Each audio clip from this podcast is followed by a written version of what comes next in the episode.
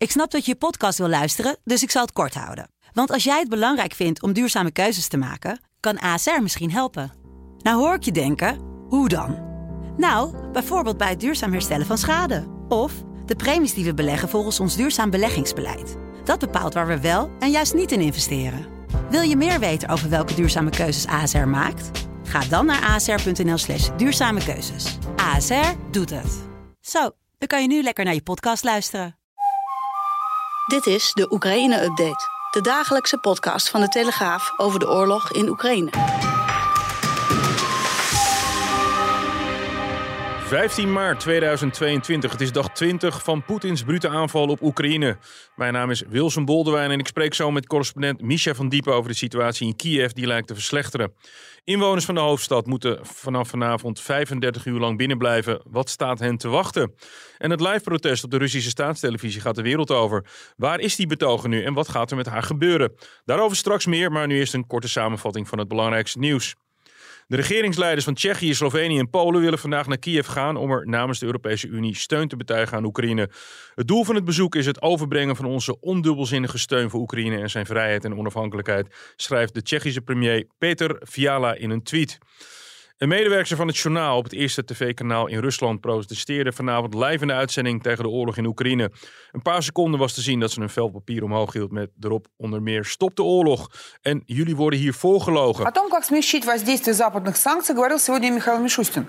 На встрече со своим белорусским коллегой российский премьер подчеркнул, надо усилить сотрудничество в рамках союзного государства, а на совещании в правительстве обсуждали, как сохранить доступность. President Zelensky bedankte Marina Osjanikova voor haar protest live in de studio van de staatstelevisie. Het leidde er wel toe dat ze werd opgepakt. Ex-militairen zonder gevechtservaring worden niet meer toegelaten tot het Oekraïense Vreemdelingenlegioen. Dit besluit van de Oekraïense Defensie komt na de raketaanval op de militaire basis Yavoriv van afgelopen zondag. Daar zijn ook vrijwilligers gestationeerd. Volgens de Oekraïense autoriteiten kwamen hierbij 35 mensen om het leven en raakten 134 mensen gewond, onder wie twee Nederlanders die licht gewond raakten. Correspondent Misha van Diepen, jij bent op dit moment in Uman, in het hart van Oekraïne, 200 kilometer ten zuiden van Kiev. Ik hoor op de achtergrond luchtalarm daar, klopt dat? Ja, het luchtalarm gaat eigenlijk ja, niet de hele dag af, maar wel een heel groot deel van de dag. Gisteren 9 van de 24 uur. S'nachts vooral, maar dus ook overdag.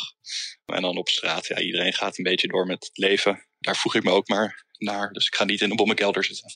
Betekent dat ook dat er op dat moment straaljagers overkomen? Of dat er kruisraketten overvliegen? Of is het gewoon een soort voorzorgsmaatregel?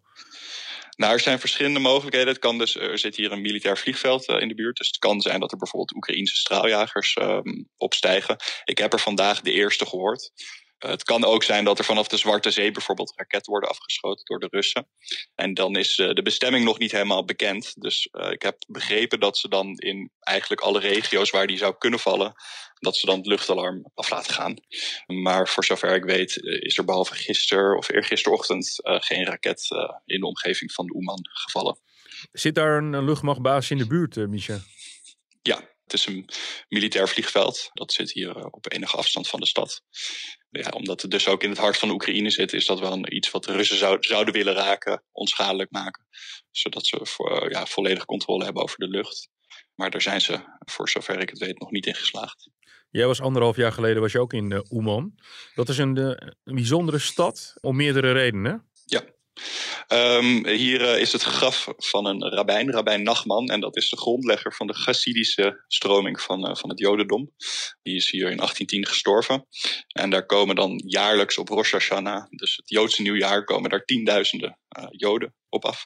Die zijn goed herkenbaar, hele grote bontmutsen pijpenkrullen. En die zijn heel, ja, een, soort trance uh, in, in die vormen beleefd zijn geloof. En die nemen dan de hele stad, of tenminste dit deel van de stad over. En de, ja, de Oekraïners die, uh, die zien dat maar een beetje aan zo.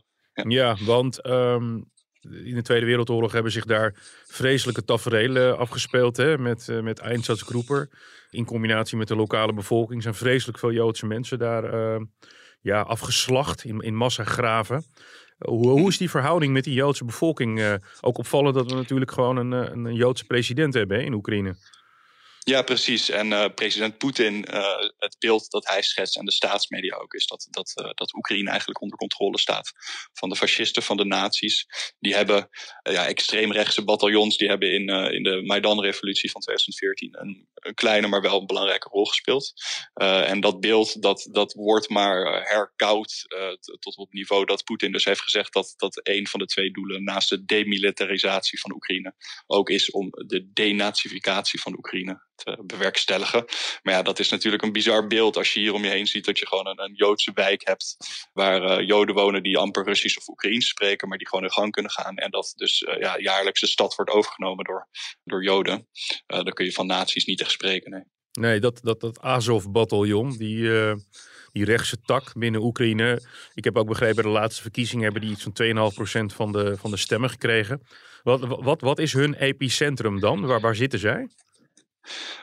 Volgens mij zijn ze een beetje gesticht vanuit uh, Kharkov. Dat was ja, hun bolwerk. De stad die nu, nu dus onder vuur ligt.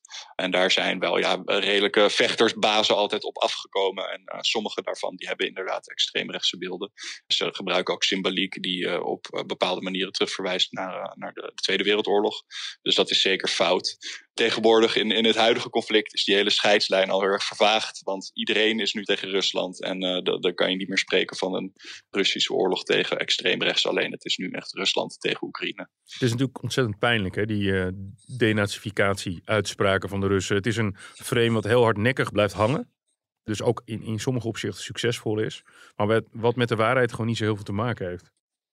Nee, zeker. Ja, wel met de Russische waarheid. Want daar is het uh, informatiespectrum natuurlijk volledig afgesloten van wat wij hier zien. Dus als mensen alleen maar de staatstelevisie kijken, dan zijn ze er dus daadwerkelijk van overtuigd van dat het hier uh, ja, zwart ziet van de naties, bij wijze van spreken. Ik uh, sprak gisteren ook de voorzitter van een Joodse gemeenschap en die heeft familie, een, een zus op de Krim en ook mensen in Rusland. En die geloven nog steeds niet wat hier gebeurt. Die zeggen van wij zijn jullie aan het bevrijden van de, van de naties, van de nationalisten. Dus dat is een heel hardnekkig frame. Maar als je aan de andere kant ziet dat tegenwoordig het, het teken van de Russische oorlog is een, die zet die, die eerst op militaire voertuigen te zien was. Ja, dat doet bijna denken aan de swastika en ja, het, huidige regime in Rusland. Dat kun je zonder twijfel fascistisch noemen. Dus het is, het is bizar om uh, soms naar die Russische staatstelevisie te kijken. Gaan we even naar uh, het front. Kiev zet zich schrap. daar gaat een avondklok in. Opvallend hè. Ook nog wat ik net vertelde. Dat een aantal regeringsleiders uit, uit Europa richting Oost-Europa richting Kiev reizen. Dat is het vreemde. Want je hebt eigenlijk het idee van Hoezo rijdt daar nog een trein naartoe? Dat die stad wordt er nog helemaal belegerd. Maar in heel veel opzichten is een deel van het openbaar leven bestaat nog steeds gewoon in uh, Oekraïne. Ja, zeker. Ja, hier bijvoorbeeld in Oeman heb je ook al die, die avondklok van eh, 7 uur. Sigaretten zijn minder goed te krijgen. Uh, winkels zijn uh, veelal dicht, zeker tijdens, tijdens de luchtalarm. Maar ik heb begrepen, ik ben er zelf niet geweest, dat in Kiev bijvoorbeeld de bevoorrading nog redelijk verloopt. ook hier vandaan worden, worden goederen georganiseerd. het is het, een beetje het centrum van een, van een agrarische gemeenschap hier. Dus die proberen ze ook in Kiev te krijgen. En vanuit het zuiden is dat geloof ik nog wel redelijk te doen. Maar het wordt steeds gevaarlijker hoe verder die omsingeling van de hoofdstad uh, vordert. Is het nog reëel dat Kiev uh, valt, als je ook de, de staat van het Russische leger in ogenschouw neemt? Um, als je puur op grondtroepen aankomt, dan, dan lijkt dat een hele moeilijke strijd te gaan worden. Zeker omdat het een soort van stadsguerrilla-strijd kan worden, waarin de, de, de Russen vanuit elk, elke flat, bij wijze van spreken, beschoten kunnen worden. Er is natuurlijk ook een overvloed aan die anti-tankwapens, uh, die, die hebben de Oekraïners ontvangen. Maar ja, we hebben ook in Syrië en eerder in Tsjetsjenië gezien wat, wat Poetin uh, in, in zo'n geval ook kan doen. Die kan dan hele steden gaan plat bombarderen. En het blijft enorm wrang dat hij Kiev ziet als, als een soort tweede hoofdstad van zijn Russische wereld. En dat hij die dan tegelijkertijd met de grond gelijk dreigt te gaan maken. Het live protest gisteren tijdens het Russische staatsjournaal. Marina heet de betogende medewerker. Daar wordt veel over gesproken, uh, veel over gesproken op Twitter. Hoe, hoe kijk je naar die actie?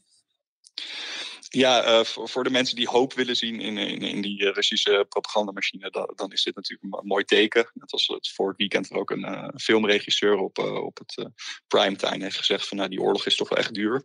Zij is een redactrice, zij heeft heel lang zelf is zij onderdeel geweest van die propagandamachine. Niet, niet dat zij de teksten schreef, maar ze, ze, ze, ze werkte volgens mij meer in, in een vertalende rol bijvoorbeeld.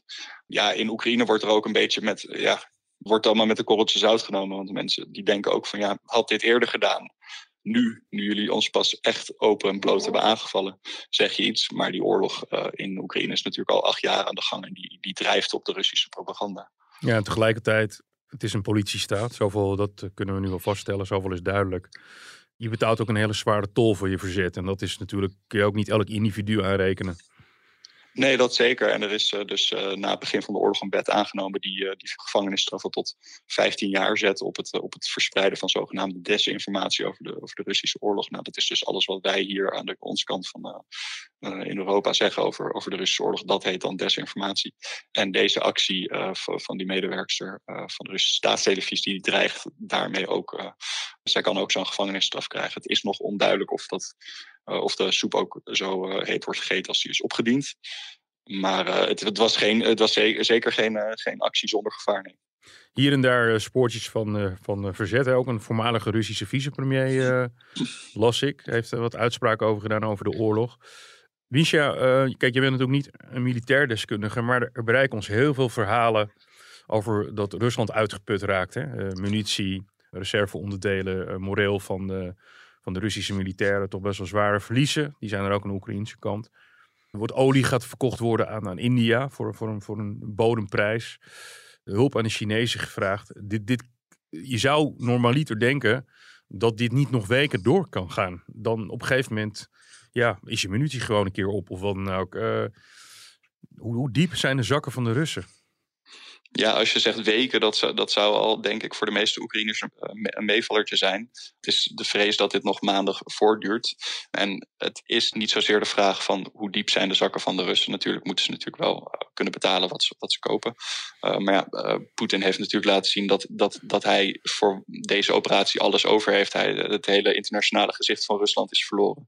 zijn hele bevolking is afgesloten van de buitenwereld.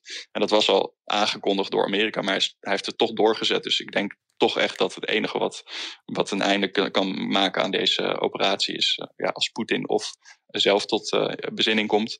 Of dat er mensen binnen de militaire staf of, of de, veiligheidsdiensten van hem uh, gaan afwijken. Maar ja, dat, dat is wederom, zou dat een afwijking zijn met een redelijk hoge prijs. Ja, tot slot, jij hebt natuurlijk ook vrienden in Rusland. Hoe, ehm, wat zeggen die tegen je? De, de gewone burgerman, vrouw die er verder ook niet zo heel veel aan kan doen? Ja, ik heb een uh, goede vriend. Uh, die, uh, die woont in Moskou, is heel metropoliet, ook homoseksueel. Dus totaal niet iemand die ja, het met Poetin eens is.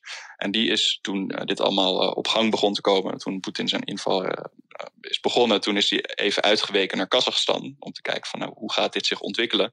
En die beklaagde zich bij mij van ja, die sancties van jullie wel leuk en aardig, maar die raken ons ook enorm, want ik kan nu niet meer in het buitenland met mijn, met mijn creditcard betalen. Dus moet ik in feite wel terug naar dat Rusland, het oorlogsland, het land waar ik helemaal niet uh, het mee eens ben. Maar die, die worden als, als het ware teruggedrongen naar Rusland. Ja, zo dus die zijn er ook niet heel erg blij met, met, uh, met dat zij zo hard worden geraakt door de sancties. Misha van Diepen vanuit uh, Oeman, bedankt en uh, doe voorzichtig daar met al die dreigende luchtalarmen. Dankjewel. Zal ik doen. Dankjewel. Sinds het begin van de oorlog hebben veel meer mensen interesse om Oekraïens te leren via Duolingo. Wereldwijd steeg het aantal mensen dat de taal probeert te leren met de app tot bijna het zesvoudige van voor de oorlog. In Polen gingen zelfs 19 keer zoveel mensen Oekraïens leren. Dat heeft alles te maken met de grote toevlucht van Oekraïense vluchtelingen naar Polen. Tot zover deze Oekraïne-update op woensdag 16 maart. Vanaf 4 uur weer een nieuwe aflevering. Al het laatste nieuws vind je op de site en in de app van de Telegraaf. Bedankt voor het luisteren.